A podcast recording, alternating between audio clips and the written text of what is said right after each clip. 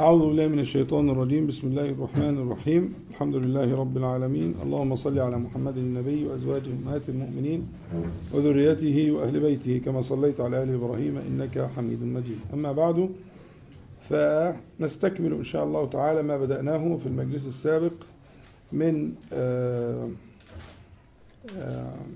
التفكر والتدبر ودراسة سنة من سنة سنن النبي عليه الصلاة والسلام من عمل اليوم والليلة في حديثه الذي رواه أبي مسعود أبو مسعود الأنصاري رضي الله عنه في الصحيحين أن النبي عليه الصلاة والسلام قال الآيتان من آخر سورة البقرة من قرأ بهما في ليلة كفتاه. من قرأ بهما في ليلة كفتاه. وذكرنا أن هذه الكفاية هي كفاية دفع الضر وكفاية جلب النفع كما رجح ذلك الإمام النووي وغيره من المحققين رحمهم الله. فإذا من قرأ بهما في ليلة كفتاه وقلنا أن نتفق باعتبار أن هذا محض تربوي أن إحنا نواظب من ساعة ما افترقنا إلى أن نلتقي على هذا الذكر فأنا مش هسأل مين واظب لكن أرجو أن يكون أغلبكم واظب يعني. لأن إحنا قلنا الذي يفرط في مثل ذلك حقيقة ظالم لنفسه. إنها يعني آيات يسيرة جدا ويقرأها فتكفيه تكفيه ضرا وتكفيه نفعا فصار في الكفاية. فلعلك أن تكون ممن واظب عليه. وإن لم تكن فتب إلى الله تعالى. وتعزم أن أنت إن شاء الله بعد غروب الشمس الليل يبدأ من غروب الشمس. تقول لله ما في السماوات وما في الأرض. إن تبدوا ما في أنفسكم أو تخفوه يحاسبكم به الله. فيغفر لمن يشاء ويعذب من يشاء. والله على كل شيء قدير. آمن الرسول بما أنزل إليه من ربه والمؤمنون. كل آمن بالله وملائكته وكتبه ورسله. لا نفرق بين أحد من الرسل. وقالوا سمعنا وأطعنا غفرانك ربنا وإليك المصير. لا يكلف الله نفسا إلا وسعها. لها ما كسبت وعليها ما اكتسبت. ربنا لا تؤاخذنا إن نسينا أو أخطأنا. ربنا ولا تحمل علينا إصرا كما حملته على الذين من قبلنا. ربنا ولا تحملنا ما لا طاقة لنا به. واعف عنا واغفر لنا وارحمنا. أنت مولانا فانصرنا على القوم الكافرين. شرحنا الآيات وشرحنا يعني كل ما فيها. اتقالت اهي خلاص. يعني يعني زمن يسير جدا ولكن العطاء والوعد كبير. وحتى يعني أنا كنت من الحاجات اللي الواحد لما يعني كان يرى مساجد العوام الناس اللي هم أسيادنا طبعا العوام حينما يصلون مجتهد جدا أنهم يقرؤون بتلك الآيات في العشاء أو في المغرب. هذا أمر يعني شائع شيوع فوق الشيوع. اللي لف حالتي كده في مساجد المسلمين في البلاد والقرى والمراكز وكده أمر شائع جدا. فنظرت فكأنهم يقصدون ذلك أو تناقلوا ذلك يعني تعلموه. إنها سنة. عشان يضمن إن هو يقرأها أو يقرئها أو يسمعها أو يسمعها ها؟ فهذا شائع جدا جدا جدا في المساجد أنهم يقرؤون في المغرب أو في العشاء والعشاء أكثر يقرؤون إيه؟ تلك الآيات. فمن قرأ بهما في ليلة كفته. هذا ما ذكرناه. في المجلس السابق. وفي الكفاية ذكرنا أن اسم الله تعالى الكافي ذكر باسم الفاعل مرة واحدة في القرآن وذكر بالفعل غير ذلك. لكن كاسم فاعل كوصف يعني ذكر مرة واحدة في سورة الزمر. سورة الزمر. وقلنا أن الموضع في سورة الزمر يحتاج لنظر وتفكر وأرجأنا النظر فيه لمجالس أخرى إن شاء الله. وفي الحقيقة قبل أن أبدأ في شرح المعنى وشرح الموضع أحب أن أنبه إلى أن النبي صلى الله عليه وسلم كانت له عناية خاصة ببعض سور القرآن. يعني من سنة النبي صلى الله عليه وسلم أن تكون لك عناية خاصة ببعض سور القرآن. يعني أنت تقرأ القرآن كله كما قال عليه الصلاة والسلام اقرأ القرآن في شهر. اقرأ القرآن في شهر. لكن هناك عناية خاصة فوق ذلك من سنته عليه الصلاة والسلام أنه كان آه، من فعله ومن قوله يعتني بسور مخصوصة. ذكرنا من ذلك عنايته صلى الله عليه وسلم بسورة قل هو الله أحد. سورة الإخلاص وأنه كان يعتني بها جدا وكان يقول أنها تعديل ثلث القرآن الكريم وكان صلى الله عليه وسلم يقول من قرأها عشر مرات بنى الله له بيتا في الجنة أو قصرا في الجنة أو كما قال عليه الصلاة والسلام إلى آخره. هذا مثال هذا مثال عنايته صلى الله عليه وسلم بسورة الفاتحة ووصفها بأنها هي السبع المثاني وهي القرآن العظيم وهي أم القرآن. فاعتنى النبي صلى الله عليه وسلم ببعض السور عنايته بالبقرة وآل عمران يأتيان يوم القيامة كالغيايتين يعني كالسحابتين يعني أو كالغمامتين أو كالغيايتين تحاجان عن صاحبهما. يعني من كان صاحبا لهما. الصحبة معناها طول المكث. آه الملازمة. آه والمنع. آه فهو كان صاحبا لهما آه بهذا المعنى الجميل فتأتيان كالمخلوق كمخلوق كسحابة أو كغمامة كل واحدة كسحابة تحاجان عن صاحبهم. يعني تدفعان وطبعا الحجاج ما يكونش غير اللي عليه حاجة. صح؟ يعني لو واحد ما عليهوش حاجة هيجيب محامي ليه؟ مش كده؟ هيجيب محامي ليه؟ ما هو مش محتاج محامي أصلا. مين بقى اللي محتاج المحامي؟ أنا وأنت. أنا وأنت. نحتاج إلى هذا المحامي هذا الماحل هذا المدافع. هذا الذي يحاجج عني. فذكر عليه الصلاة والسلام أنهما تأتيان يوم القيامة تحاجان عن هو ذا السر صاحبهما. يبقى في عناية خاصة. ففي صور كان في عناية خاصة للنبي عليه الصلاة والسلام بهم بها ال ال ال التزام المرء بالسنة يعني ذلك. يعني أنا العناية بالهدي الظاهر ده ثمرة. لكن ما هوش السنة. ده ثمرة السنة. يعني ثمرة السنة إن إنك تعتني بالهدي الظاهر. صح؟ لكن السنة حاجة جوه قلبك.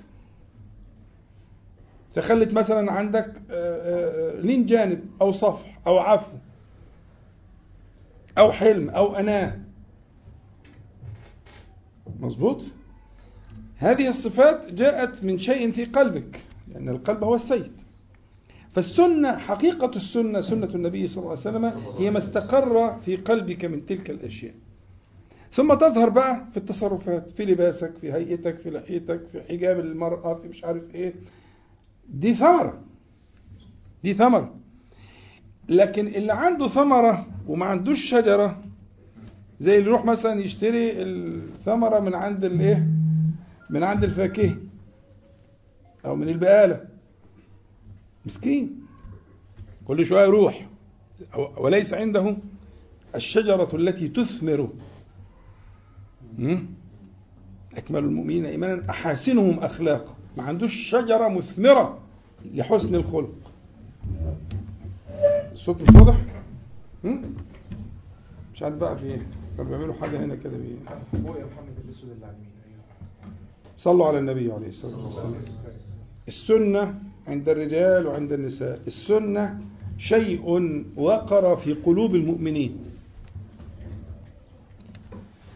ثم هذه الشجرة شجرة مباركة مثمرة. يظهر الثمر ثمر الشجرة شجرة السنة يظهر في على الجوارح في القول والفعل والترك. مظبوط؟ لكن خلو ال- الباطن عن محبة النبي عليه الصلاة والسلام والرغبة في اتباعه بعد محبة الله عز وجل آه، يجعل المرء خاويا ظاهر بلا باطن. ولا بد من أن يختبر. مفيش حد هيدعي ذلك ويترك. ده مش كلام أنا عشان ما تقولوش ده بيخوفنا. لا دي الحقيقة. حسب الناس أن يتركوا أن يقولوا آمنا وهم لا يفتنون؟ ولا قد فتنا الذين من قبلهم. أنتم مش بدع من القول. ولا قد فتنا الذين من قبلهم. فلا يعلمن الله الذين صدقوا ولا يعلمن الكاذبين. قانون قاعدة. هتقول بحب النبي عليه الصلاة والسلام هتختبر هتقول بحب رب العالمين جل جلاله هتختبر ويظهر ذلك أثار الاختبار عليك.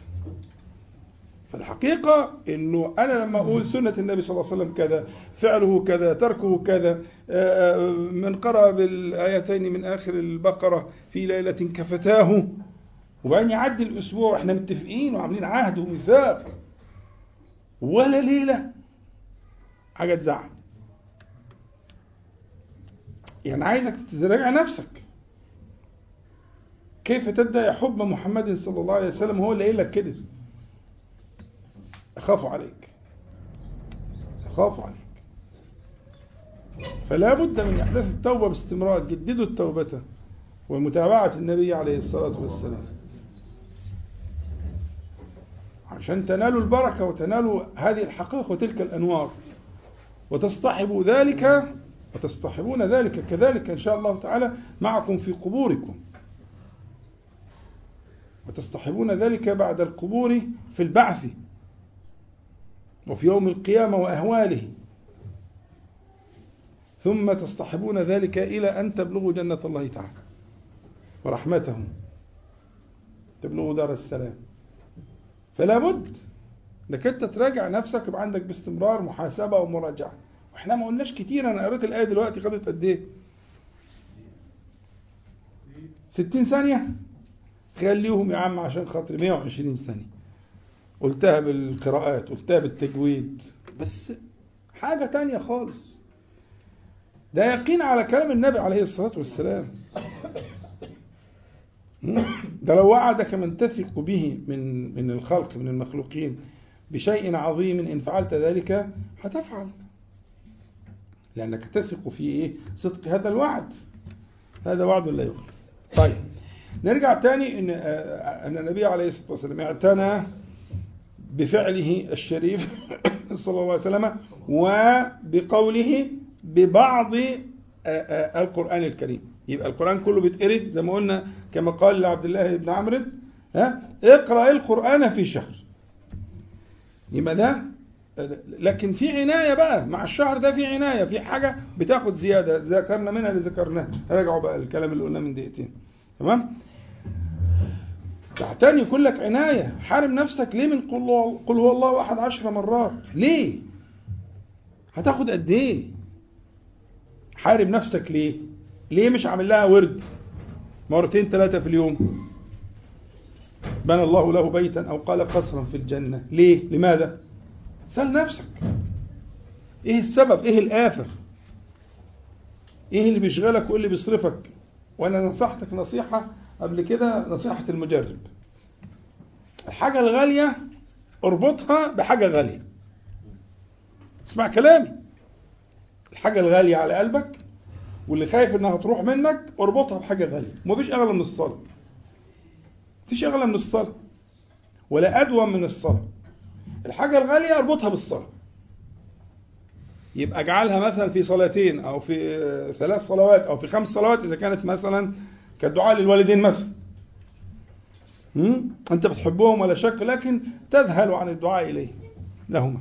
تذهل. اما تربطها بالصلاة.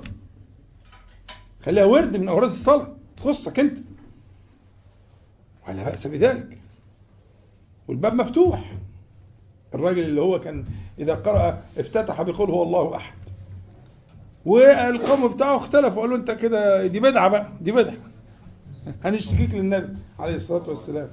غير قال لهم لا مش مغير. عجبكم عجبكم مش عجبكم هاتوا بالصلاه قال لا انت احفظ الناس و... وانت احسننا. إزاي؟ فراحوا اشتكوا للنبي عليه الصلاة والسلام.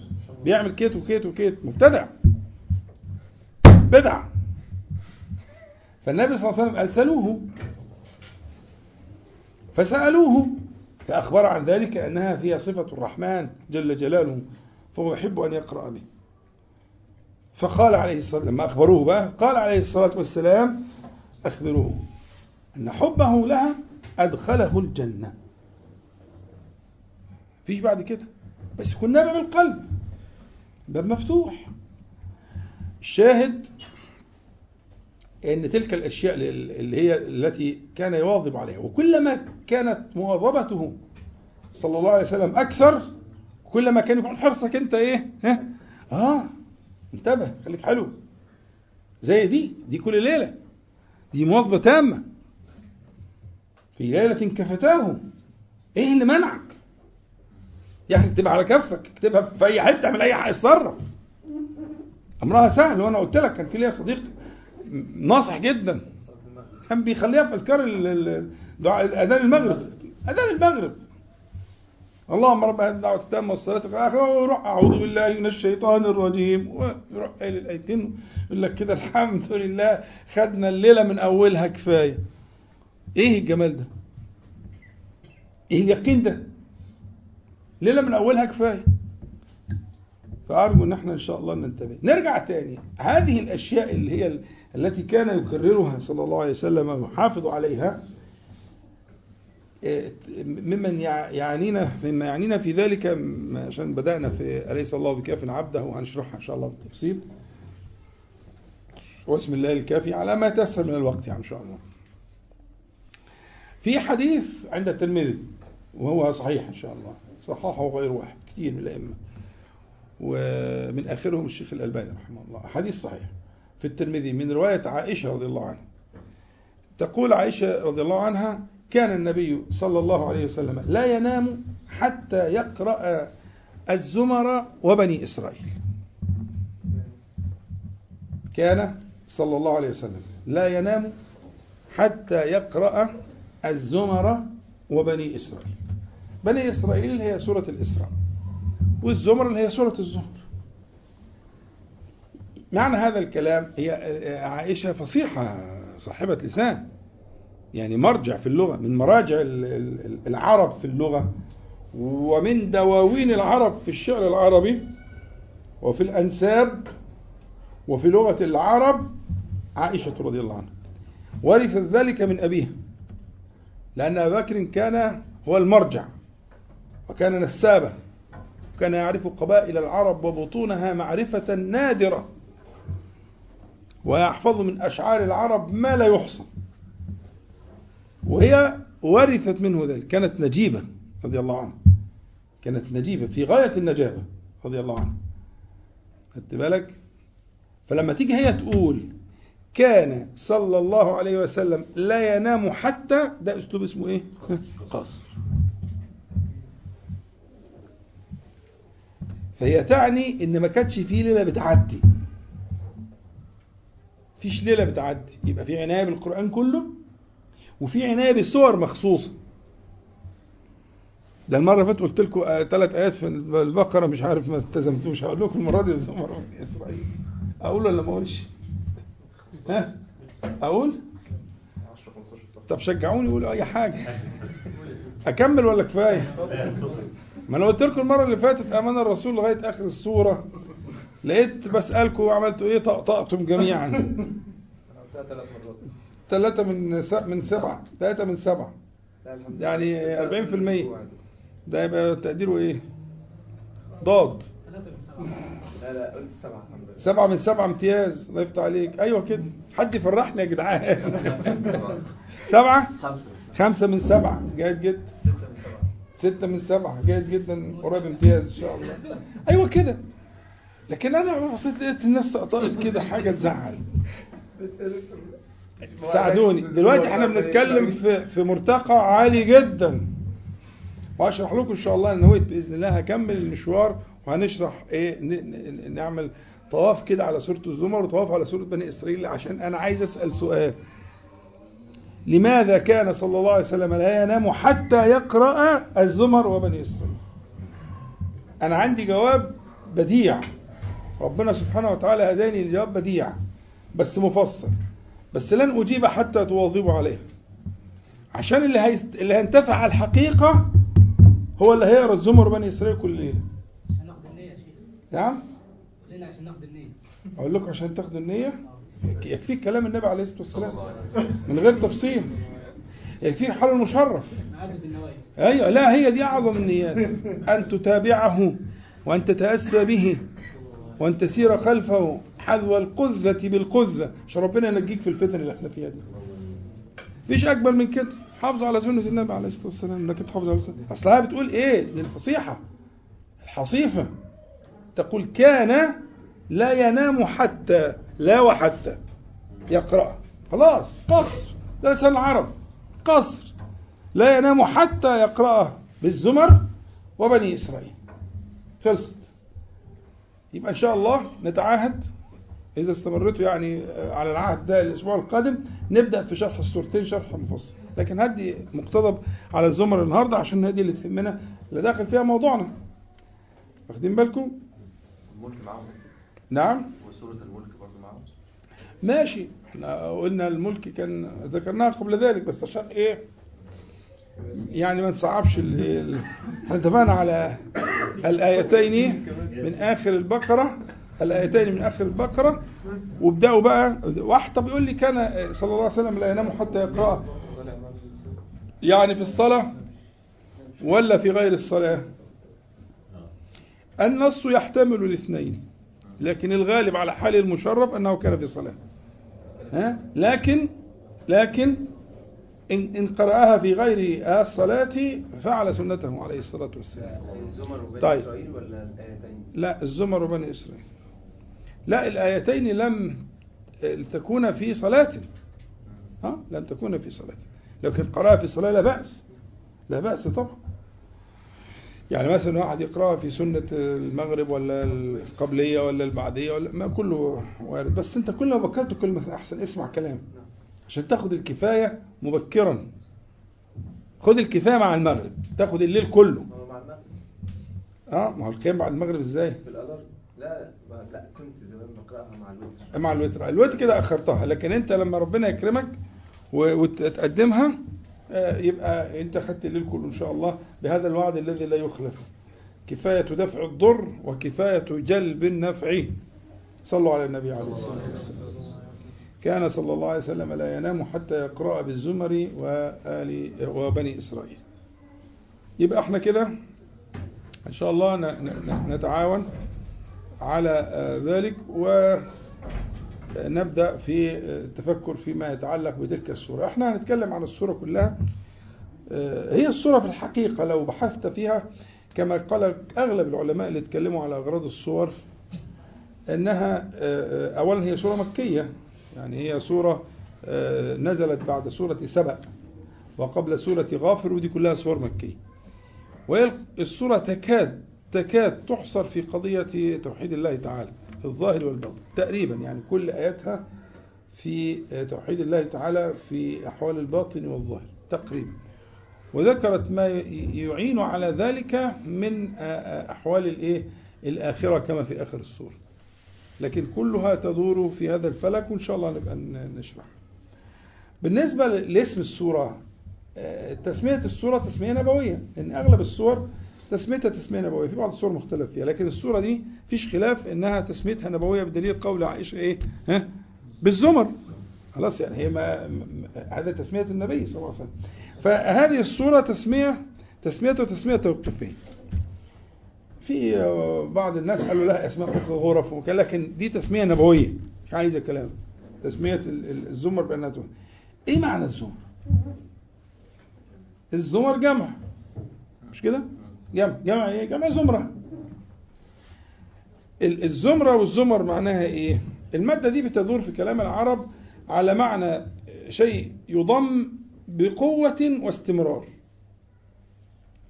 يعني إحنا بالبلدي بالتعبير البلدي لما بتيجي تحزم حاجة تعملها حزم. زي حزم البقدونس كده والفجل والمش عارف إيه والعيدان دي عشان ما فيش عود يروح كده ولا كده بتعمل إيه؟ تيجي الست تروح محزماها بحاجة جامدة وايه؟ وربطها ربطة قوية تمنع من أي حاجة يع- يعود يقع أو حاجة زي كده. بتشوفوا أنتوا الحاجات دي ولا بتشوفوش؟ بتشوف طب الحمد لله. فاذا الضم القوي المستمر هو ده معنى آه، آه، الزمرة. فالشاهد أن ربنا سبحانه وتعالى يحكي عن سوق جماعي في الآخرة على هيئة زمر. يبقى ربط كده زمر. مجموعات محاطة مفيش حد ياخد يهرب من مجموعه يخش في مجموعة. لأن إحنا اتفقنا ان شرط المادة المد الجزء المحس اللي في المادة ان يكون هذا الضم بقوة وان يكون مستمرا. مفيش تسريب. ده اصل المادة. اللغويه مش عايز أقول لكم عشان ما ندوشكمش لكن هي الفكرة المادة بتدور على كده. فإذا فكرة الزمرة اللي هي الحزمة المربوطة رابطة 100 100 مفيش حاجة تخرج منها ابدا. ها؟ فسيأتي الناس في سوقهم آه، آه، آه، آه، إلى الدار الآخرة على شكل حزم. لا يتصور خروج فرد واحد من حزمة إلى أخرى. لقوله زمراء لقوله فالزمر أفادت المعنى ده. هو في معنى مهم إن شاء الله إذا كان في نصيب ممكن برضو نلحقه لشغلنا آه، لأنه إحنا محتاجين. هو آه، في القرآن الكريم في ألفاظ جاءت للبعث الجماعي في القرآن الكريم. ثم هناك ألفاظ للسوق الجماعي في القرآن الكريم. يعني إيه الكلام ده؟ أولا اليوم ده اسمه يوم الجمع. يعني من خصائص اليوم ده يوم, يوم القيامة إن آه، مجموع له الناس. يعني لازم يجمع الناس كلها. مفيش تخلف مفيش غياب. مفيش ستر. مفيش حيطان مفيش شجر مفيش جبال مفيش كثبان رملية مفيش كهوف. ستكون الأرض كالقرصة كقرصة النقي. زي الرغيف الأبيض كده بيضاء. لا تجد فيها عوجا ولا تجد فيها أمتا ولا تجد فيها مرتفعات ولا أشجار ولا حاجة خالص. هي حاجة مفتوحة كده قرص يحشر الناس إليه. ستصير الأرض كذلك. ففي عندنا البعث اللي هو من القبور فالبعث يكون بعثا جماعيا. ثم بعد البعث الجماعي يحصل حاجة اسمها السوق الجماعي. ألفاظ البعث الجماعي في القرآن الكريم كتير جدا وإن شاء الله ندرسها بشكل هي هي ماتعة الحقيقة إنك أنت لإدخالك في هذه الصورة وهذا هذا التصوير الجميل جدا يعني اللي هو فاق كل العبارات. كلام الله سبحانه وتعالى. يعني ربنا سبحانه وتعالى وصفهم أنهم كالفراش المبثوث وأنهم وصفهم كالجراد المنتشر وأنه سبحانه وتعالى كالمبعثرين بعثر ما في القبور وجاء معها سائق وشهيد وقال سبحانه وتعالى آه، إلى ربهم ينسلون. وقال وقال صور كتير كلها بت- بتوصف هيئة البعث من القبور إلى أرض المحشر. وبعد انقضاء الحساب في أرض المحشر ووضع الموازين ونضع الموازين القسط ليوم القيامة والحساب والمرور على الصراط يساقون إلى الدار الآخرة. يبقى في عندك ألفاظ للبعث الجماعي في القرآن وفي السنة برضه في حاجات في السنة جميلة جدا في ذات ال- ال- المعنى. آه، وفي القرآن. ثم بعد ذلك يساقون سوقا جماعيا إلى الدار الاخره فحتى دخول الدار الاخره دخول جماعي. دخول جماعي. الألفاظ اللي جاءت في القرآن الكريم للسوق الجماعي إلى الدار الاخره ثلاثة. الزمر والفوج والوفد. ما لهمش رابع يبقى السوق الجماعي. إلى الدار الآخرة جاء بالثلاث معاني. دول بالزمر والفوج والوفد. إن شاء الله نتكلم على زمر اللاتي يبقى فكرة سيق الذين اتقوا سيق الذين كفروا. هذا سوق جماعي في زمر في حزم في جماعات في رتب. يعني حتى الكفار فيهم رتب على أشكالهم وأنواعهم.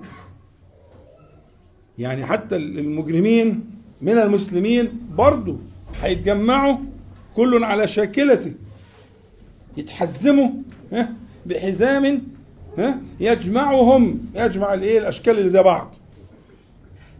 فاللي شبه فرعون هيبقى مع فرعون اللي شبه هامان هيبقى مع هامان اللي شبه قارون هيبقى مع قارون إلى آخره. فيجمعون زمرا زمرا وكذلك أهل التقوى ها.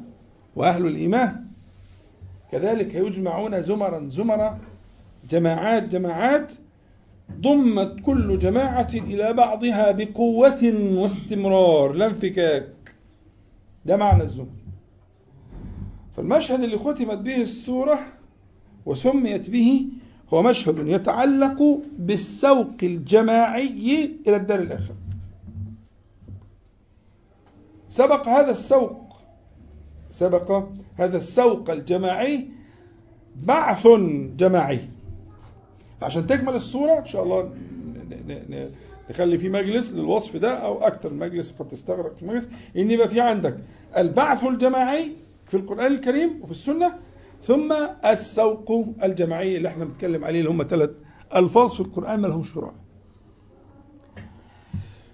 فهذا السوق في تلك الجماعة بهذا ال- الوصف اللي هو الوصف ال- ال- الزمر وصف آه، ينبئ عن حال آه، آه، مبشر لأهل الإيمان وحال مخزن لأهل الكفر والعصيان أنهم سيكونون في في جماعات. حتى إن بعضهم سيحتاج الأمر إلى نوع من الإعلان. عشان إيه؟ دول بقى عندهم درجة من الخسة مثلا م? أو درجة من النبل لابد من الإعلان. فعندنا صور من صور الإعلان. إن شاء الله بنقول التفصيل يعني. زي مثلا؟ صبر لكل المتحابون في جلال الله تعالى. على منابر من نور. عن يمين الرحمن وكلتا يديه يمين. يغبطهم الأنبياء والشهداء. الله. إيه كلمة منابر؟ منابر دي جمع إيه؟ ها؟ منبر، منبر دي كلمة منبر دي في اللغة من النبر ومش عارف إيه؟ علو ارتفاع، على حاجة عالية. حاجة مصنوعة من النور هم بيقعدوا عليها، طب ليه؟ ليه حاجة عالية؟ ما إحنا اتفقنا ك- ك- ك- ككرسة نقي طبق مستدير كده مستوى مفيش فيه لا ارتفاع ولا انخفاضات، يبقى لما حد يقعد على حاجة عالية ها؟ عشان الكل يشوفه، صح؟ يريد الله عز وجل لسه مفيش جنة ولا حاجة، لسه إحنا مش في جنة ده, ده, ده أرض الحساب، ده أرض المحشر. مفيش مفيش مفيش ثواب دلوقتي ولا عقاب. لكن دول في أمان. الناس في فزع وهم في أمان، دول في ظل. والناس في حر ومش عارف إيه. فيبرزهم الله عز وجل ها ليراهم الجميع. دول يا جماعة مش المجاهدين في سبيل الله ولا العلماء ولا الحافظين القرآن الكريم ولا دول حاجة تانية. بس حاجة صعبة. حاجة صعبة. ليست بسهلة. فكفاهم الله. المتحابون في جلال الله عز وجل يعني في طاعته في أمره ونهيه في أسمائه وصفاته جل جلاله. فيعليهم الله عز وجل عشان الكل يشوفهم. والفريق الثاني برضه نفس الكلام. لهم درجة من الخسة لا بد من ها التشهير بهم. فيقول عليه الصلاة والسلام ينصب لكل غادر لواء يوم القيامة. يقال هذه غدرة فلان. خسيس. خسيس. وفاكر نفسه فاز. فاز إيه؟ الفوز هناك. والخسران هناك. العاجل الفاني ده لا فيه فوز ولا فيه خسران ولا فيه نيلة أصلا. ده ضرب لا. الفوز على الحقيقة هناك. فينصب لك- لكل غادر. اللواء اللواء كلمة اللواء اللي هو إيه؟ هو طبعا هناك المنبر هو نفسه عالي. لكن ده مش هنعليه بقى. هنعليه إزاي؟ مش هنعليه. إحنا هنعمل له إيه؟ ها؟ هنعمل له لواء راية كده. والراية مكتوب عليها. الحقير اللي تحت ده ها؟ النفل الخسيس اللي تحت ده صاحب الغدرة الفلانية. هذه غدرته فلان وفلان ده تحت. لكن التانيين طبعا على المنابر. عشان الناس تشوفهم هم نفسيهم. اللي هم أهل المحبه في الله تعالى. دول على المنابر. هم يطلعوا على منابر من نور. لكن الخسيس ده ها؟ ده تحت. لكن تنصب له الألوية. لواء ويقال إيه هذه غدرة فلان معايا أنا مش عايز يعني إن شاء الله هنخصص درس أو اتنين نستوعب كل اللي جه في السنة وفي القرآن الكريم فيما يتعلق بألفاظ السوق ومن قبلها ألفاظ الإيه؟ البعث. يبقى صور البعث التي صورها الله تعالى في القرآن الكريم وفي السنة ندرسها. خلاص خلصنا من صور البعث نذهب إلى البعث الجماعي. كله على عينك يا تاجر مفيش حاجة مستخبية. حفاة عراة غرلة. قالت ينظر بعضهم إلى بعض عائشة ما ما تساءلت لا ال- الأمر أهم من ذلك كل واحد مهموم بهمه ما عندوش حتى يستطيع النظر لمن بجواره أو من أمامه أو من خلفه. الرجال والنساء ينظر بعضهم إلى بعض. رجال إيه ونساء؟ إيه ده الدنيا حاجة تانية.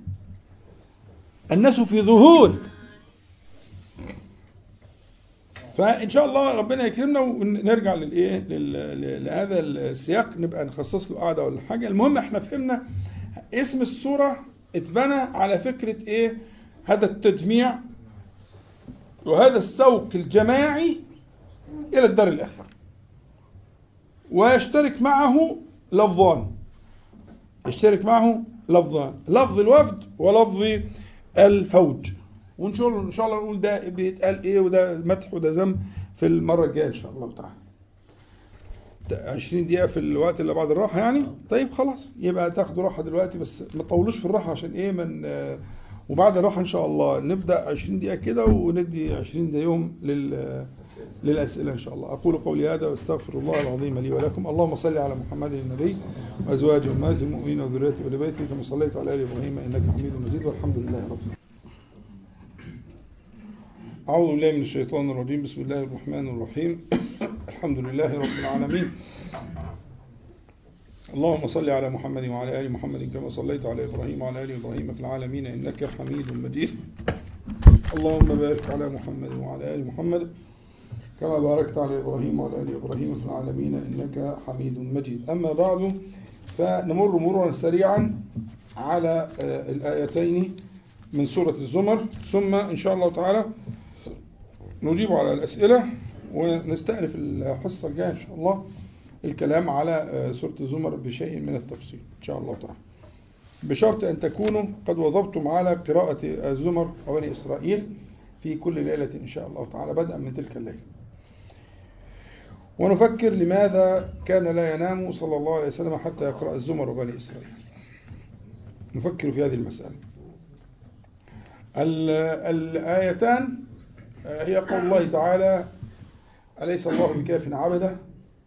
ويخوفونك بالذين من دونه. ومن يضلل الله فما له من هاد ومن يهد الله فما له من مضل. أليس الله بعزيز ذي انتقام؟ الآيتين دول في سورة الزمر فيهم تقديم وتأخير وفيهم بيسموه خلاف مقتضى الظاهر في كذا موضع. فهنقول تقدير الآيات من غير التقديم والتأخير وبعدين نشوف ماذا أفاد هذا هذا الخلاف لمقتضى الظاهر. بس قبل كده الأسلوب اللي جه مرتين في آيتين ورا بعض أليس الله بكاف عبده أليس الله بعزيز ذي انتقام؟ ده أسلوب واحد اللي هو عبارة عن همزة الاستفهام ودخلت على أداة من أدوات النفي ثم جاء الإيه المستفهم عنه بعدها. مش كده؟ وده الأسلوب ده متكرر في القرآن كتير. بدخول همزة على أداة من أدوات النفي زي ليس وزي لم ألم أليس أفلم إلى آخره. تمام؟ وده كتير في القرآن كتير جدا. وهو الأسلوب ده اختصار عشان يعني قد لا يناسب المقام الشرح العلمي فيه. أن هذا الأسلوب يعني أن السائل يقرر المسؤول عن شيء قد استقر عنده. قد استقر عنده. الأسلوب ده يعني افهم الكلام. الأسلوب ده يعني أن السائل يقرر عند السائل شيئا قد استقر عنده فأولا هذا ليس استفهاما حقيقيا استفهام بلاغي. والغرض من الاستفهام البلاغي تقرير ما عند الإيه؟ عند المسؤول. يعني لازم يكون الشيء ده حاصل عند المسؤول? فيقرر الله تعالى ذلك أو يقرر السائل ذلك عند المسؤول. ألست بربكم؟ يعني قد استقر في فطركم أني ها؟ ربكم مظبوط؟ يبقى كده إيه؟ لما سألهم سألهم بناء على استقرار هذا المعنى في الفطرة اللي هو إذ أخذ الله في نفس الصورة من بني آدم إلى آخره أن هذا قد استقر في في في في في, في الفطرة استقر في الجينات أنه لا إله إلا الله وأنه هو رب العالمين وحده لا شريك له. ألست بربكم؟ قالوا بلى. يبقى معناها أنه إذا سئل المرء هذا السؤال فإنه ليس سؤالا حقيقيا ولكنه سؤال بلاغي. الغرض منه تقرير ما عند الإيه؟ فلما يقول ربنا سبحانه وتعالى للنبي عليه الصلاة والسلام ألم نشرح لك صدرك؟ يعني معناها إيه؟ قد استقر عندك أيها النبي المكرم أني شرحت لك صدرك. ده مش سؤال. إنما يقرر. مفيش حاجة جديدة. ده تقرير للمستقر عند النبي عليه الصلاة والسلام أن الله إيه؟ ها؟ شرح صدره. قد شرح له بالفعل صدره. وأنه حصل له مرتين. شق الصدر الشريف حصل مرتين. وأفسح الله تعالى فيه وجعل فيه من النور وأخذ منه حظ الشيطان وهو يعلم ذلك. فإذا قيل له وهو يعلم ذلك ألم نشرح لك صدرك؟ يعني معناها إيه؟ قد استقر عندك أيها النبي المكرم أنني قد شرحت لك صدرك منة وفضلا مني. فهمتها؟ يبقى أي أسلوب في القرآن الكريم وفي لغة العرب. الهمزة يجي بعديها نفي. ويراد بها الاستفهام يبقى معناها إيه؟ معناها تقرير ما عند المستمع من هذه الحقيقة. مش سؤال ولا حاجة. إحنا عندنا هنا في الآية أو في الآيتين الأسلوب ده اتكرر مرتين.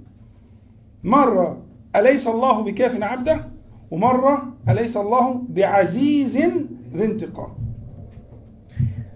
العزة والانتقام والكفاية معاني كلها تدور في معنى ما تقدم ما قبله من الآيات من أنهم ذكروا له كما في بعض التفاسير أنهم يخافون عليه آلهتهم. محدش يتعرض للآلهة دي اللي حصل له وحصل له هيجرى لك واللي هيتعمل لك والحاجات اللي زي كده التخويف والبتاع. ولذلك هم بيقولوا أهل العلم بيقولوا إنه في تقديم وتأخير وإن أصل الكلام ويخوفونك بالذين من دونه. أليس الله بكاف عبده؟ كده استقام الكلام بقى في ذهنك. لما كانوا يخوفونك بالذين من دونه اللي هم آلهتهم من الأصنام أو من غير الأصنام فيكون الجواب أليس الله؟ يعني قد قد كفاك الله. هنا التقرير قد للتقرير للتحقيق. فلو قلنا المعنى التفسير ها يخوفونك بالذين من دونه قد كفاك الله. ده معناها كده. والثانية أليس الله بعزيز ذي انتقام؟ إنك تؤمن وتوقن بأن ربك عز وجل هو العزيز المنتقم وسينتقم منهم ويعزك أيها النبي المكرم. ده المعنى. لأن أمر مستقر عند النبي عليه الصلاة والسلام. هو تقرير لحقيقة للرد على الإيه؟ على الكلام الباطل اللي هو يخوفونك بالذين من دونه. وكلمة من دونه فيها من الإعجاز. ليه؟ لأن ما قالش يخوفونك بآلهتهم مثلا أو يخوفونك بالأصنام. ومن دون الله تعالى هو كل خلقه لأن الأمر ده سيتكرر مع النبي ومع غير النبي عليه الصلاة والسلام إلى يوم القيامة. فدائما أهل الباطل يخوفون أهل الإيمان بمن هو دونه سبحانه وتعالى. فيذكرك فاذكر أنه دون الله. أن كل ما خوفك فهو دون الله. ها؟ إنما ذلكم الشيطان يخوف أولياءه سورة آل عمران. إنما ذلكم إنما دي قصر. تفيد القصر. يعني كل اللي أنتم شايفينه ده ولا يهزكم في حاجة. إنما قصر. إنما ذلكم الشيطان يخوف يعني يخوفكم أولياءه. يعني يخوفكم بأوليائه. ها؟ مين أولياء الشيطان؟ طابور طويل ملوش نهاية. في كل زمان ومكان إلى يوم القيامة. وهذه حكمة الله. أولياء الشيطان. دي قاعدة. قاعدة التخويف. التخويف بمن هو دون الله عز وجل. هذا أمر لا ينقطع. ما, ما, ما, ما, ما, ما دار الليل والنهار لا ينقطع. ما دار الليل والنهار لا ينقطع. أمر لا ينقطع. لابد أن تجد من يخوفك. بس يخوفك بإيه؟ بمن هو دونه. فاذكر فيذكرك. سبحانه وتعالى. فكل ما أخافوك به فهو دونه. عليه الصلاة والسلام. فاهمين؟ فكل ما خوفوك به فهو إيه؟ دونه. يبقى أول خلاف مقتضى الظاهر إن هو الترتيب إن هي ويخوفونك بالذي بالذين من دونه أليس الله بكاف عبده تيجي بقى جواب على كده.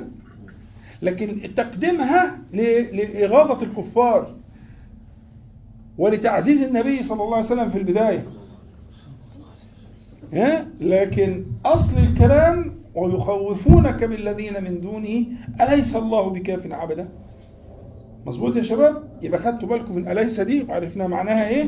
وألم وأليس إلى آخره في القرآن كلها كله كله جميعه بهذا المعنى. إن شاء الله في الحصة الجاية في الصفحه المحلاه هنتعرض لها بإذن الله. في حروف المعاني والأدوات إن شاء الله تعالى. يبقى دي خدنا بالك الحاجة الثانية في الترتيب. في الترتيب. وإن الجملتين أليس الله بكاف عبده وأليس الله بعزيز ذي انتقام الاثنين في معنى إثبات الكفاية ها؟ والعزة والانتقام لله جل جلاله تبارك وتعالى. فأنت أيها المؤمن بالله تعالى أنت مؤمن بأنه كافيك وزي ما قلت لك الكفاية في الحاجتين زي ما قال النووي وغيره في جلب النفع وفي دفع الضر. يبقى كافٍ كافيك. ها؟ كما قال لأبي إذا تكفى همك. ويغفر لك ذنبك. تكفى همك. اتفقنا؟ تمام. يبقى أليس الله بكاف عبده؟ أليس الله بعزيز ذي انتقام؟ وهذا الترتيب اللي هو اللي في حاجة تانية. برضو بيسموها خلاف مقتضى الظاهر. مقتضى الظاهر كان يقال أليس الله بكافيك؟ ده كان الأصل. الأصل كان يبقى كده. طب أنا لما لما أجي أكلمك ها وأقول لك ألم أعطيك كذا وكذا؟ أعطيك. لكن لما أقول ألم أعطي أخي وحبيبي كذا وكذا ومقصود أنت برضه يبقى أنا عملت إيه؟ أنا جبت الوصف ده لأني محتاجه في المعنى. ألم أعطي أخي وحبيبي كذا وكذا؟ أنا صوتك أنت. بس عايز أحننك. ألم أعطي ولدي وفلذة كبدي كذا وكذا؟ ما هو ابني برضه. بس أنا مش هاخده باسمه أنا هاخده بوصفه. يبقى في حاجة هنا بديعة جدا جدا جدا في الآية اللي هو العدول عن الاسم أو الضمير إلى الإيه؟ الوصف صلوا على النبي عليه الصلاة والسلام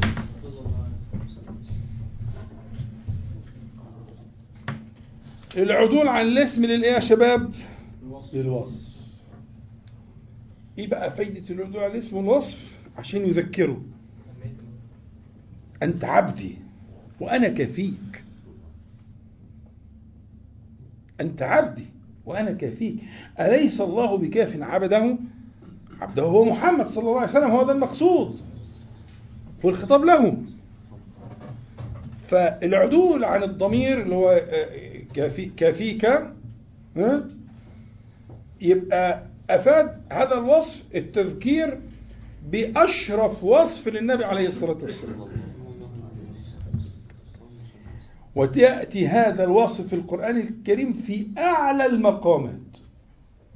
يعني وصف العبودية للنبي عليه الصلاة والسلام لا يأتي في القرآن الكريم إلا في المقامات العليا.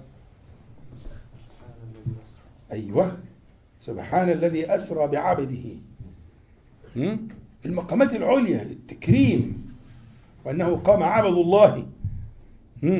إلى آخره. المقامات العليا في البلاغ والبيان والإكرام والإعزاز والإجلال يأتي بصفة العبودية. وهذا المقام منها. وأعبد من عبد الله عز وجل في الأولين والآخرين في الإنس والجن أجمعين والملائكة وسائر الخلق هو محمد صلى الله عليه وسلم. أحق الناس وحق الخلق وحق الكون بصفة العبودية هو محمد صلى الله عليه وسلم. ما عبد الله عز وجل بشيء كما عبده محمد صلى الله عليه وسلم. أشرف مقام. فجيء هنا في مسألة الكفاية بصفة العبودية. تشريفا له عليه الصلاة والسلام. ده أول غرض. لسه في غرض تاني.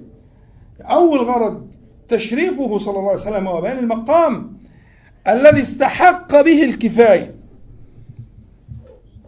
ويذكره أنت عبدي وأنا كافيك. أنت خير عبدي وأنا كافيك. أنت أشرف عبدي وأنا كافيك. شفت بقى الفرق بينها؟ كاف عبده وكافيك. فرق بين السماء والأرض. هذا العدول أفاد فائدة جليلة جدا. الحاجة الثانية معنى الثاني المهم يهمني جدا أن هذا العدول عن الضمير إلى الوصف أنه فتح للباب لمن بعده صلى الله عليه وسلم ولمن تأسى به إلى يوم القيامة. فكما كفاه يكفيك.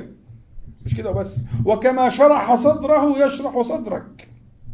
وعلى قدر حظك من اتباعه صلى الله عليه وسلم يكون حظك من شرح صدرك.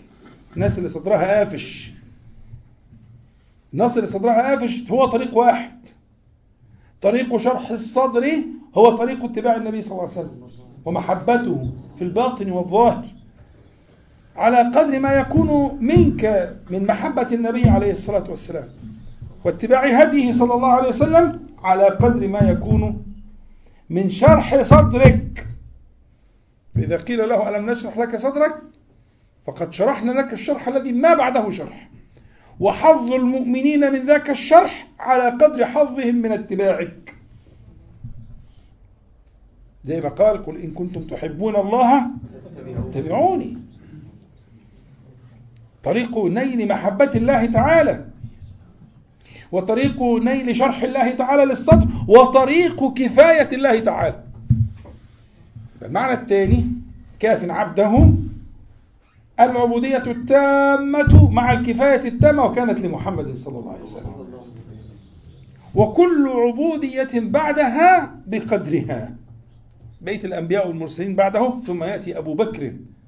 أول من خلق الله تعالى بعد الأنبياء والمرسلين من العباد. خير الناس بعد الأنبياء والمرسلين. أبو بكر رضي الله عنه. فكفايته بعبوديته. كفايته بعبوديته.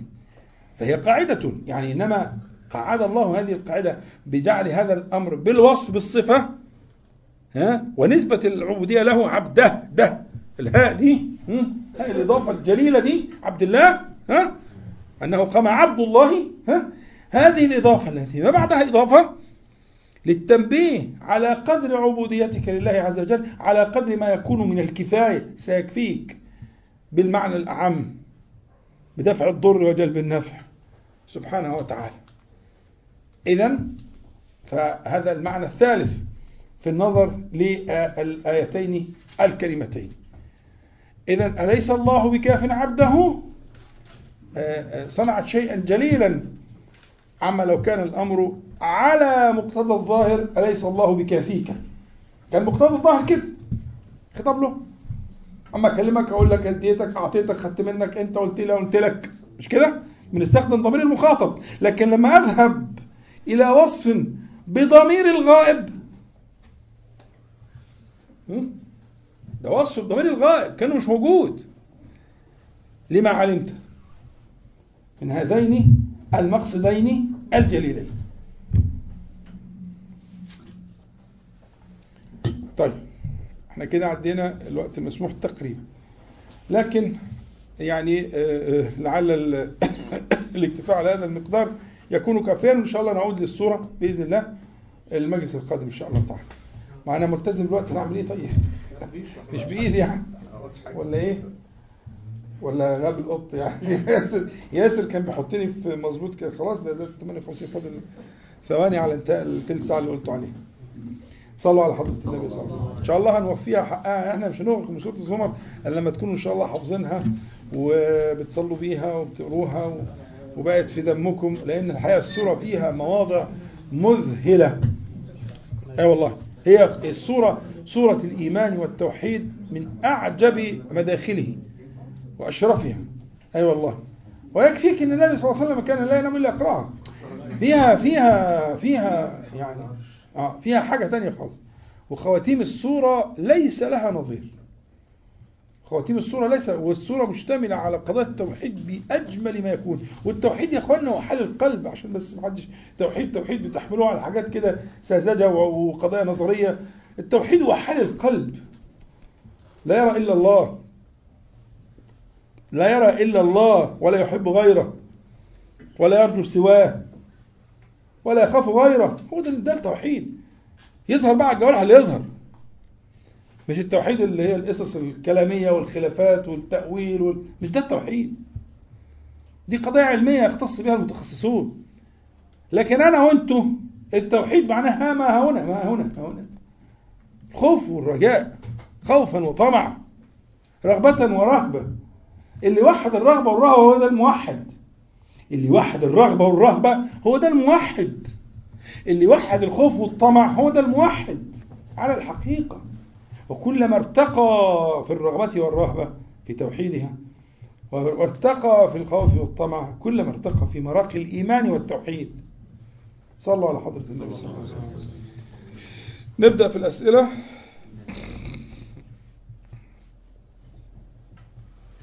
سمعت من شيخ أن الاحتفال بعي- بعيد الميلاد آه، بعيد ميلاد طفل مثلا بدون أي مخالفات مباح لأنه ليس ابتداع في الدين. هل هذا صحيح؟ الجواب والله أعلم. آه، آه، آه، يعني كلمة الاحتفال بالألف واللام كانت تحتاج لبيان. فكيف يكون؟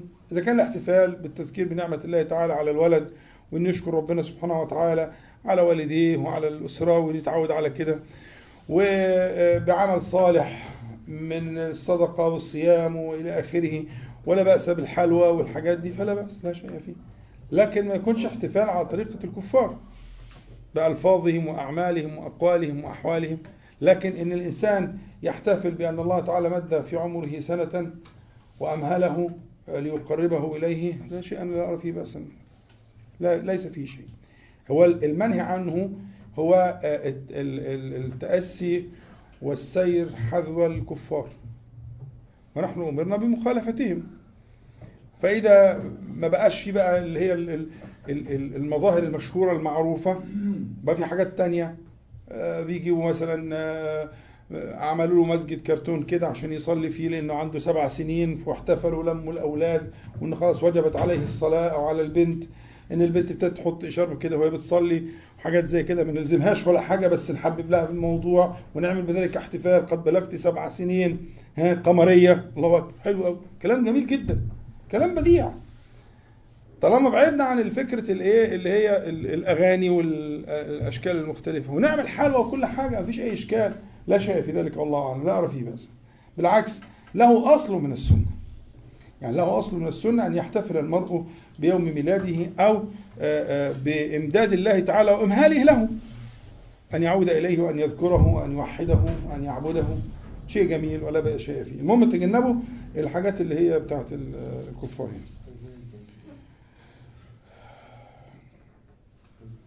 سؤال ما هي حدود العورة بين المرأة والمرأة؟ المسألة فيها آه، بعدان. فيها بعدان. الجواب المسألة لها بعدان. البعد الأول آه، بعد شرعي والبعد الثاني بعد عرفي. بعد عرفي. والعرف معتبر في الشرع. العرف معتبر في الشرع. خذ العفو وأمر بالعرف. والعرف عند الفقهاء والأصوليين آه، أصل من أصول الشريعة. ما لم يخالف شرعا ما لم يخالف شرعا. فالعرف والعادة آه، مأخوذ بهما في التشريع الإسلامي فلا بأس من اعتبارهم. فأنا أرى أن يكون الجواب على العرف وليس على الشرع.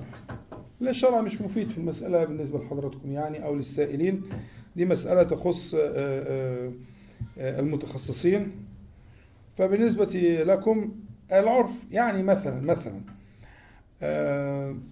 هناك من تستحي المرأة أن تكشف عن ذراعيها مثلا وعن صدرها وكده من النساء تستحي. ست كبيرة في السن ومحترمة ولها هيبة وكذا وكذا فتستر ذلك عندها. ده مش حلال ولا حرام. ده اعتبار للعرف ولا شيء في ذلك. أمر يعني نصنع واحدة تستحي إنها ترضع بنتها مثلا أو ابنها في حضور بعض النساء سواء لفكرة الحسد أو لفكرة الحياء. ها؟ عشان نذهب بقى لإيه؟ الحكم الشرعي. فإذا قلنا لها حلال تروح مش عارف عاملة إيه؟ كلام يعني مش عقل يعني. فهنا الشرع بيراعي العرف جدا جدا ويعتبره جدا. وهو أصل عندي أنا في المسألة. آه، لأن الشرع فيه سعه وفيه خلاف كبير جدا في بين الفقهاء. إلى حد قد ها يعني يضركم. ده عايز متخصصين ناس يدرسوا فقه بس ويعرفوا الحاجات دي في الكتب وخلصت المسألة. والفرق بين الحرة وال وال والأمة وقصة طويلة ملهاش أي لازمة لحضراتكم. اسمعوا كلامي وما تدورش عشان ما تتعبش. سيؤذيك ما تقرأ ولا ينفعك بحاجة. الحاكم في المسألة العرف. اسمعوا كلامي. المرأة للمرأة عورات المرأة المرأة الحاكم في المسألة العرف. فإن كان يستحى فلا بأس ويبقى الحياء والحياء من الإيمان. ويعتبر العرف في هذه المسألة حاكما في المسألة. لكن التوسع والبتاع وحمامات السباحة والكلام ده كلام باطل. ما يستحيا منه لا يفعل. ما يستحي منه النساء المحترمات الكبيرات العاقلات. لا يفعل. فتقول لا ما إحنا ما إحنا كشفنا ما كشفوا ولا كشفوا والفقه بيقول كذا والملكية أصلهم بيقولوا كذا. إيه ليه ده؟ ملكية أنتوا أنتوا أنتوا بتدوروا على حاجة عشان تسهل لكم. آه، آه، مش عايز أقول كلام غلط يعني؟ لا لا خلاص مش عايز أقول كلام غلط. لا العرف. وبرضه في الناحية الثانية لأن المبالغة برضه منهي عنها. يعني المبالغة ها؟ إن واحدة لا تظهر مع الأخوات أو مع الصالحات أو كده لا بشعرها ولا بإيديها ولا نص كم ولا لا لا كده ولا كده. لا إفراط ولا تفريط فالعرف حاكم. العرف حاكم. وما تجيليش في واحدة في وجه بحري زي واحدة مثلا في وجه قبلي أو في يعني في قبلي قبلي قوي مثلا أو كده ولهم عادات أو في البداوة البدوان أو لهم نظام في ال... كل الحاجات دي معتبرة. معتبرة جدا. فاعتبروا ذلك يا أولي الأبصار. اتفقنا؟ لعل الإجابة تكون كافية إن شاء الله.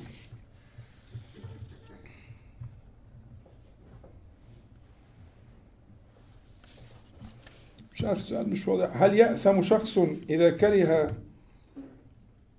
المفروض شخصا بقى ولا مش عارف إيه. من أذيته له يبقى شخصا. إذا كره شخصا من أذيته له وأصبح لا يحسن إليه مش قال بقى لا يحسن إليه ولا يرضى له الخير من كتر هذا الشعور بداخله. تمام. أنا هتجاوز عن كل الحاجات الإملائية والنحوية والصرفية. آه ونخش في في الجواب يعني. لا يعني هو له له العدل. يعني الحد الأدنى إن الله يأمره بالعدل. الحد الأدنى العدل. لأن ما دون العدل يبقى ظلم. والظلم ظلمات يوم القيامة. يبقى أول مرحلة لا يتسامح فيها هي العدل. فلا تظلمه. من آذاك لا تظلمه. من ظلمك لا تظلمه. وإلا هنخش في مسلسل من الظلمات آه، تكون عاقبته وخيمة جدا في يوم القيامة. فيبقى مسألة العدل هي الأصل. ثم يقول والإحسان. يعني أول ما أمر سبحانه وتعالى أمر بالعدل. الله يأمر بالعدل. مش كده؟ آه أول حاجة. فالعدل هو أول الأشياء فالعدل ألا تظلمه وألا تظلمها. أما ما يكون في القلب فيعني لعل الله تعالى أن يدويه. لكن ليس شرطا. لا أقول لك أن يص- أن تصفو نفسك تماما. ربما إذا ارتقيت في الإيمان أن تصل إلى ذلك. لكن إذا كانت المسألة ما فيش ظلم منعت الظلم أنت كده حققت الحد الأدنى. حد الأدنى. ثم يقول والإحسان الله يأمر بالعدل والإحسان. والإحسان هي الرتبة الأعلى أن تحسن إلى من أساء إليك. لكن هذا ليس لكل أحد. هذا للذين وصفهم الله تبارك وتعالى لمن آه، آه، آه، يعني وفقه وسدده وأعانه لذو حظ عظيم. لذي حظ عظيم. وما يلقاها إلا الذين صبروا وما يلقاها إلا ذو حظ عظيم. اللي هو أن يقابل الإيه؟ ادفع بالتي هي أحسن السيئة. ادفع بالتي هي أحسن السيئة. يبقى ده مقابلة الإساءة بالإحسان. ده اسمه الإحسان. دي الرتبة الأعلى. الله أمره بالعدل والإحسان. ادفع بالتي هي أحسن السيئة. فإذا الذي بينك وبينه عداوة كأنه كأنه هو مش هيكون ولي حميم لكن تعامله كأنه ولي حميم. هذه وما يلقاها إلا الذين صبروا. وما يلقاها إلا ذو حظ عظيم. ده وصف القرآن. إذا فالمسألة تتدرج فيها. لكن في البداية ال- ال- ال- ال- الحد الذي لا يتساهل فيه هو حد الإيه؟ الظلم. إياك والظلم. احذر الظلم. بعد كده ندخل في الإحسان لعلك أن تصل به. ثم قال وإيتاء ذي القربى. إن الله يأمر بالعدل والإحسان. قال وإيتاء ذي القربى. يعني بقى آه، آه، آه، الإحسان للقريب لأنها له له حقان. له حقان. الحق الأول حق الإيمان والإسلام والحق الثاني حق القربى لكن لا اشترط عليك الشعور الداخلي. لا لا ليس في الشعور الداخلي. يعني آه، لا تثريب عليه. طيب آه، سؤال آه، في سورة يوسف. يعني إيه؟ برضو كد إيه المهم يعني؟ ولقد همت به وهم به. وبرضو قوس يوسف أعرض عن هذا واستغفري لذنبك إنك كنت من الخاطئين. السؤال هنا أن سيدنا يوسف عليه السلام هو اللي يعني الذي أعرض عن هذا الأمر ولا كان الكلام موجه لامرأة العزيز؟ لا هو السؤال فاهم كلمة أعرض عن هذا غلط. هو فاهم إن أعرض عن عن هذا هي بمعنى إيه؟ آه، لولا أن رأى برهان ربي. لا. لولا ولقد همت به وهم بها لولا أن رأى برهان ربي. القراية دي أحسن الوقف ده أحسن. الوقف ده أحسن. وقف مفهم معلم. ولقد همت به جملة انتهت خلاص. الجمله الجديدة مستأنفة يعني الواو اللي بعد آه، آه، به دي واو استئناف.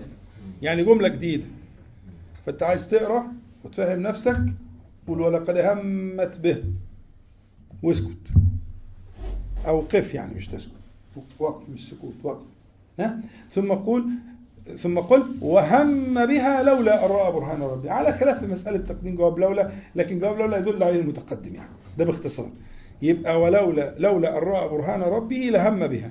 لكنه يعني لم يوكل لطبعه البشري ولو نبوته حفظ. لم يوكل لطبعه البشري. صلى الله عليه وسلم آه، آه، آه، نبينا محمد صلى الله عليه وسلم لا يقاس عليه يا كل الانبياء والمرسلون لهم ما لهم. لكن لا بد علينا جميعا من إحسان الظن بكل الأنبياء والمرسلين وألا نفاضل بينهم. يبقى ده الصرف ده? كذلك لنصرف عنه السوء. ده هذا فعل الله صرفه. لكن ال- ال- يوسف أعرض عن هذا ده مش كلام ربنا. ده كلام العزيز. كلام العزيز. وبعدين أعرض ده فعل أمر. يعني يعني يطلب منه أن يفعل ذلك الآن. أعرض عن هذا. هو كان خلاص كان الموضوع خلص. فالعزيز بيقول ليوسف عليه السلام بيقول له أعرض عن هذا يعني تجاوز عن هذا الخطأ عن هذه التهمة. هي اتهمتك باطلا لما بقى شهد شاهد من أهلها. فهي لما اتهمتك باطلا وثبت بطلان اتهامها قال العزيز أعرض عن هذا اصرف نظر عن هذا. لا تلتفت لهذا الموضوع. تمام؟ طبعا ده ما فيش فيه ريحة الرجولة. إن هو راجل يعني إكس لارج يعني يعني ما فيش أي مشكلة خالص يعني.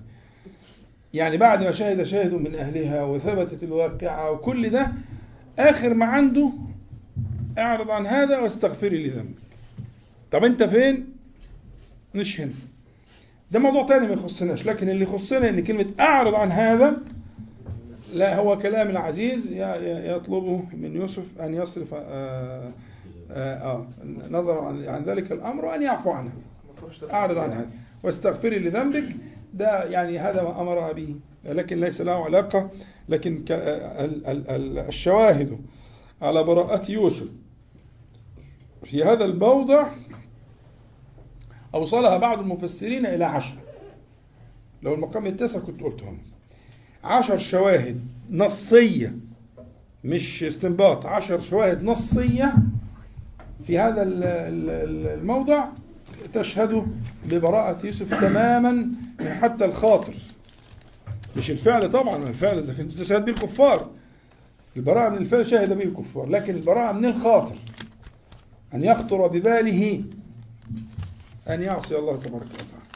ولكن يعني إيه آه إنه كان من عبادنا المخلصين. والمخلصين ده اسم مفعول. آه يعني لما كان من المخلصين جعله الله تعالى من. الله. مفيش بعد كده. فالمخلصين دي رتبة منحة غير مكتسبة. لا تكتسب. أن يكون المرء من المخلصين يعني أخلصه الله تعالى لنفسه سبحانه وتعالى. أخلصه لنفسه جل جلاله. وهذه لا تكون إلا بمنحة من الله تعالى لمن جاهد في ال آه, آه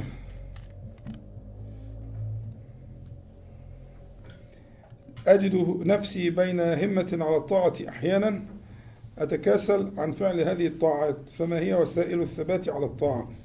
إحنا شرحنا هو الدرس ده. ارجعوا له آه، بالتفصيل. أنا قلت الكلام بالتفصيل. الدرس المكتوب على السبورة ده اللي هو موجود عند حضراتكم.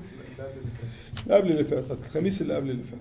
أنا شرحت بالتفصيل. ارجع. فإذا وقف معك شيء أو لم تفهمه والتسجيلات كلها موجودة الحمد لله. ترجعوا تاخدوها من الإخوة. آه، فصلنا آه، وقلنا إن كل ركن من أركان التوبة جعلت له علما جعلت للندم علما وجعلت للإقلاع عدما علما وجعلت للعزم على عدم العودة علما فاستمسك بتلك الأعلام.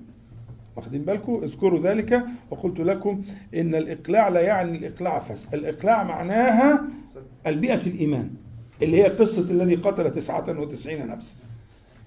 وأنت يقينا أقل منه. أنت قتلت إيه؟ 15 15 هو قتل 99 وأتم المئة. فيقينا أنا متأكد إن السائل أقل من كده يعني. تمام؟ فهذا الذي صنع ذلك غير الله الله عز وجل ناموس الكون. جعل له كرامة لا تكون الا لاولياء الله تعالى. حرك له الأرض. حرك له الأرض. لمجرد العزم على التوبة والفعل ال- الذي لم يصل به إلى أرض الصالحين. لم يركع ركعة مع الصالحين لم يسبح تسبيحة مع الصالحين. أمال عمل إيه؟ استوفى أركان التوبة من الندم والإقلاع. فانا قلت لك الإقلاع هي بيئة الإيمان صحبة الصالحين. عملا وذكرا. ارجع للتفسير أنا مش عايز بقى الدرس. ارجعوا قلناها بالتفصيل. ارجع له واللي عايز يناقشني بعد كده أتشرف بيه بإذن الله. ماذا تقول في الفيلم الوثائقي؟ في سبن السنين. وطبعا دي عين. هو كاتبها نون والله. هو كاتبها هنا أنا مش هظلمه يعني مش بس أنا يعني بعزي نفسي بواسي روحي أي حاجة يعني. عشان إيه؟ عشان آه، آه، آه، أنا عارف إن أنتوا ضحايا. ضحايا ال- الإيقاع بينكم وبين لغة القرآن. الوقيعة التي حصلت على 70 80 سنة كده حتى صار صارت لغة العرب غريبة بينكم. قراءة وكتابة وسماعا? غريبة. لكن إن شاء الله في أمل في. في إعادة الود مرة أخرى يعني. أنا يعني كأنه العزاء يعني. ماذا تقول في الفيلم الوثائقي في سبع سنين؟ هو الحقيقة آه، فيه ناس آه، أجابوا على الموضوع بإجابة مطولة ومفصلة. أنا أثنيت عليها جدا يعني. وعندي اثنين ثلاثة أجابوا إجابات قيمة جدا. وفصلوا. وبعضهم أجاب إجابة مجملة وإجابة مفصلة. فمن شاء الكاتب السؤال أو إذا شئتم جميعا أبعتوا لي وأنا أبعت لكم النسخ اللي أنا اخترتها من تلك الإجابات القيمة العلمية. آه، من أهمها آه، آه، إجابة الدكتور إياد قنيبي وطبعا إياد قنيبي اللي هو نقدر نقول بين قوسين كده الجديد. يعني إياد قنيبي تقدر تقسمه إلى إياد قنيبي القديم وإياد قنيبي الجديد. فإياد قنيبي الجديد شخصية تانية بعد ما خرج من السجن واهتم بقضية الإيمان والتوحيد والرد على الملحدين في رحلة اليقين. فهذا شخص آخر شخص نافع جدا. جدا. في النهاية من النفع استغل بقى علمه وثقافته إنه دارس في أمريكا واخد الدكتوراه من من أمريكا ويتقن لغات وإلى آخره. استغل هذه الثقافة ووظفها صح فهذا يدل على إن شاء الله حسبه كذلك صدق نيته. ربنا سدده لكن اللي قبل كده لخبطة. كلام بقى في الكفر والإيمان والبتاع والجهاد واللخبطه دي كل دي لخبطة. والكلام على القتال في سوريا والكلام والكلام ما تسمعلوش في الفترة دي. لكن اسمع له في المرحلة اللي هي رحلة اليقين وما بعدها. نافع جدا جدا جدا. علمي ودقيق وبيخاطب أعقد العقول وبيكشف الكذب الكذب والعور الذي عندهم. خلاص؟ ف ده من وفي أخ- هناك آخرون كذلك ردوا على هذا الشريط آه، المضل. ردوا على هذا الشريط المضل.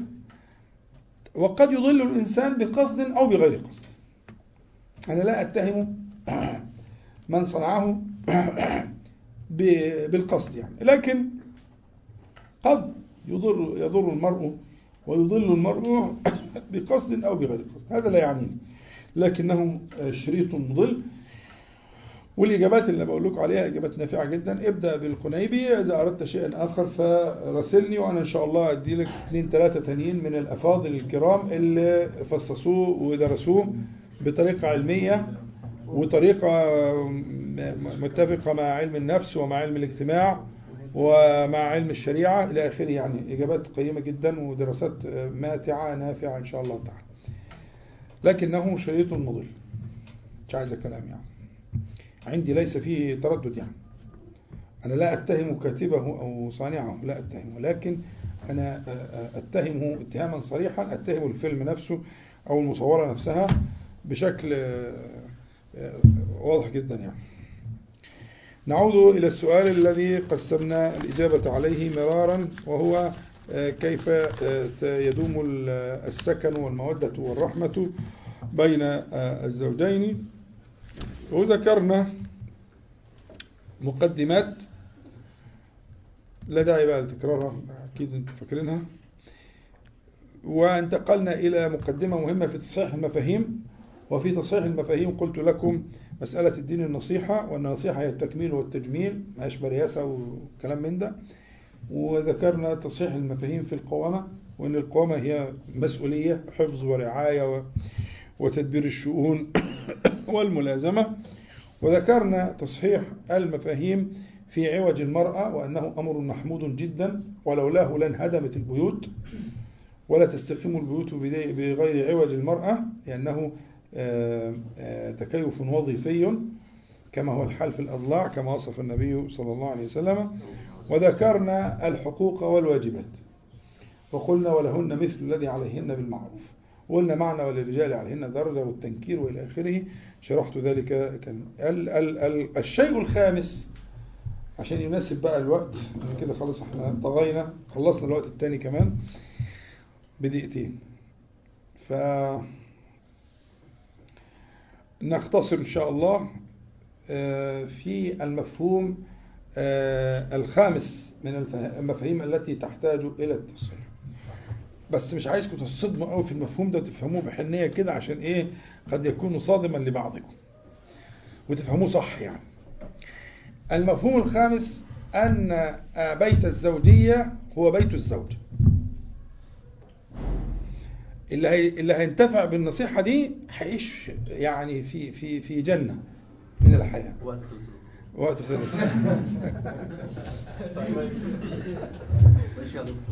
هي طبعا النور خلي بالكم هي- هيوقفوا الإرسال وهيعملوا لأن القعدة ذكورية للأسف.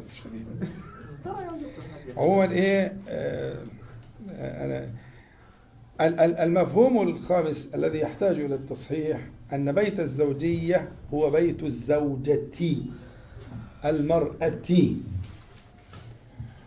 وأنك ضيف. فتصرف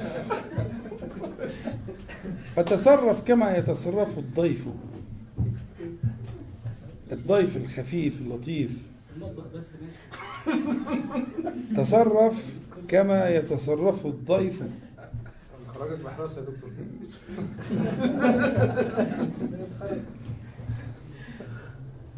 طيب صلوا على النبي. على كده أنا موافق. أنا مش معترض. معلش ما أنا في نعم. هاخد راحتي. هو الضيف بياخد راحته؟ استأذن اخش لا ده الضيف ما بياخدش راحته. يعني مثلا يغير ترتيب ال- الانتريه مثلا أو الكراسي أو يشيل حاجة أو يحط حاجة أو الستاير مش عارف إيه أو ده مش عارف إيه. لو ضيف يعمل كده؟ بيستأذن. صاحب الدار وافق. ما وافقش خلي الحاجة على ما هي عليه. ده مش عارف محطوط غلط ده محطوط صح ده فوق ده تحت. طب وأنت مالك؟ إيه اللي دخلك؟ تلك مملكتها. خليك ضيف عشان تعيش مستريح. أنا لسه ما جبتش أدلة. استنى بس عليا هتقفل يعني ال- الإرسال؟ هي البطارية تقريبا يا دكتور. طيب تعالوا نشوف كيف ذكر الله عز وجل آه، بيت المرأة. ربنا تعالى في سورة الطلاق يقول لا تخرجوهن من بيوتهن. مع إنها هتسيبه لكن هي معتدة. والمعتدة الرجعية زوجة. فهي لا تزال زوجة بحكم الشرع. يلحقها ما يلحق الزوجة يعني إيه؟ يعني آه، آه، آه، يلحقها الطلاق الثاني لو طلقها مرة وهي معتدة وطلقها تاني تحسب الطلقة الثانية ويلحقها الظهار ظهر منها وهي معتدة. ليه؟ الصواب الذي عليه الفقهاء أن المعتدة إيه؟ ها؟ زوجة فطول ما هي زوجة طول ما ربنا سبحانه وتعالى يقول إيه؟ بيوتهن انتهت العدة ده بيتك يا عم اتفضل متشكرين وهي تروح لحال سبيلها لكن طول ما هي زوجة وطول ما هي قاعدة بالحق الإلهي ده هذا بيتها والدليل في سورة النساء ربنا سبحانه وتعالى يقول واللاتي يأتين الفاحشة من نسائكم فاستشهدوا عليهن أربعة منكم. فإن شهدوا فأمسكوهن. لا فأمسكوهن في البيوت. لا ما قالش في بيوتهن. طبعا الحكم ده منسوخ. بعد ما نزلت سورة النور. لكن كان الحكم ده في سورة النساء. قال فأمسكوا فأمسكوهن في البيوت. حتى يتوفاهن الله. أو يجعل الموت أو يجعل الله لهن سبيلا يبقى حتى يتوفاهن الموت أو يجعل الله لهن سبيلا السبيل ده اللي هو إيه؟ اللي هو سورة النور. فكانت سورة النساء بتشير إلى أنه لعله أن يغير الحكم. طيب لغاية لما يحصل الحكم صاحبة الفاحشة قال عليها في الإيه؟ ها؟ في البيوت. لكن المطلقة العفيفة الشريفة قيل لها إيه؟ بيوتهن لسه برضه بيتها. لكن لما تقارن بال- بال- بالموضع في النساء بتاعة الفاحشة فاستشهدوا عليهن أربعة منكم فإن شهدوا فأمسكوهن في البيوت. طيب. ربنا سبحانه وتعالى يقول واذكرن ما يتلى فيه ما هي دي بيوت النبي عليه الصلاة والسلام. في بيوتكن. نسب البيوت لمين؟ لأمهات المؤمنين. قال دي مش أبيات النبي. عليه الصلاة والسلام. لماذا لم يقل ربنا عز وجل؟ واذكرن ما يتلى في أبيات حتى هي ماشية مع الحكم. في أبيات النبي صلى الله عليه وسلم أو في أبياته. واذكرن ما يتلى في أبياته. من آيات الله والحكمة. إيه المانع؟ وجميلة. ولايقة وزي الفل. بس الحكاية مش كانت جميلة. حكاية من لدن حكيم خبير. واذكرن ما يتلى في بيوتكن. الحكاية بنقولها جد.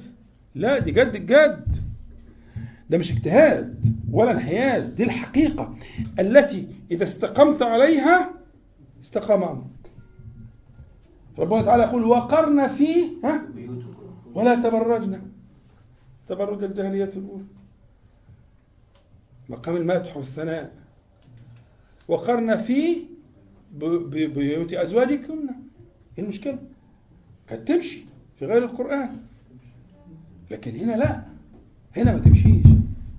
هي بيوتكن. يبقى كذا موضع في القرآن. والموضع المقارن ثلاث مواضع في القرآن. والموضع المقارن حذفت هذه الصفة منهن التي يأتينا الفاحشة. حذفت من التي يأتينا الفاحشة.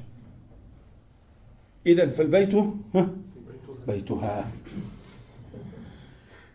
أنتوا تعلموا إن النبي صلى الله عليه وسلم آلة من نسائه عارفين كده؟ الإلاء معناه إن الواحد يقسم ان ان إن يعني أن يعتزل نساءه لفترة من الزمان. فالكلام ده كان موجود من قديم من قبل الإسلام. فجاء الحكم الشرعي نظم المسألة والذين يألون من نسائهم تربصوا أربعة أشهر. فإن فاءوا فإن الله غفور رحيم وإن عزموا الطلاق فإن الله سميع عليم. صح؟ يبقى إذا حكم الإلاء معروف. الإلاء في الكتب الفقه كلها بيكون في البيت. لا بأس إنك أنت يعني تاخد جنب. تبات في الصالون تبات في الصالة تبات في أي حتة. لكن النبي صلى الله عليه وسلم لما قال قال شهرا من نسائه لما أراد أن يؤدبهن صلى الله عليه وسلم ها قال مش أربع شهور قال شهرا واحدا ها قال شهرا قال الشهر ده فين؟ ها قال الشهر في المسجد عليه الصلاة والسلام لماذا؟ أيوه لماذا ال- ده لا لا أنت افتح أي كتاب فقه إلاء الرجال في البيوت بس لا يخالطهم هو ده عملية تأديب إحنا بن, بن إيه؟ بيراجع كل امرئ نفسه من من الطرفين. حد اقصى أربع شهور طبعا لو قال أسبوع ما فيش مشكلة. وتتحل الإشكال طالما إحنا عايزين نحل الإشكال. لو قال الرجل من امرأته اسبوعا أسبوعين شهرا فلا بأس وتنتهي زي ما كان قال النبي صلى الله عليه وسلم. لكن ال... ال... عليه الصلاة والسلام. لكن الحد الأقصى الذي جاءت به الشريعة بالقرآن الكريم أربع شهور. صح؟ جميل. السؤال لماذا قال محمد صلى الله عليه وسلم في المسجد؟ ليه ما. ما قسمش الإله كقسمة اللي هي القسمة العادية القسم بين النساء؟ كل واحدة لها ليلة فكان يذهب في الليلة ولا يأتيها ولا يقرب منها ولا مش عارف إيه ويكون فيها المقصود. إنما ترك البيوت للنساء وآل صلى الله عليه وسلم في المسجد. فلو حد فيكم زعلان يجي الجامع وينام عندنا. آه والله. تعبان تعال. تعال في الجامع بات لك ليلة اتنين تلاتة. نديك ورد. تمسك المصحف تذاكر تقرأ تعبد ربنا. سيب لها البيت بيتها. وسترى عجبا والله. أنا اللي سمع كلامي في الحاجات دي ربنا رضاه. من أوسع الأبواب. تعال بيت ربنا.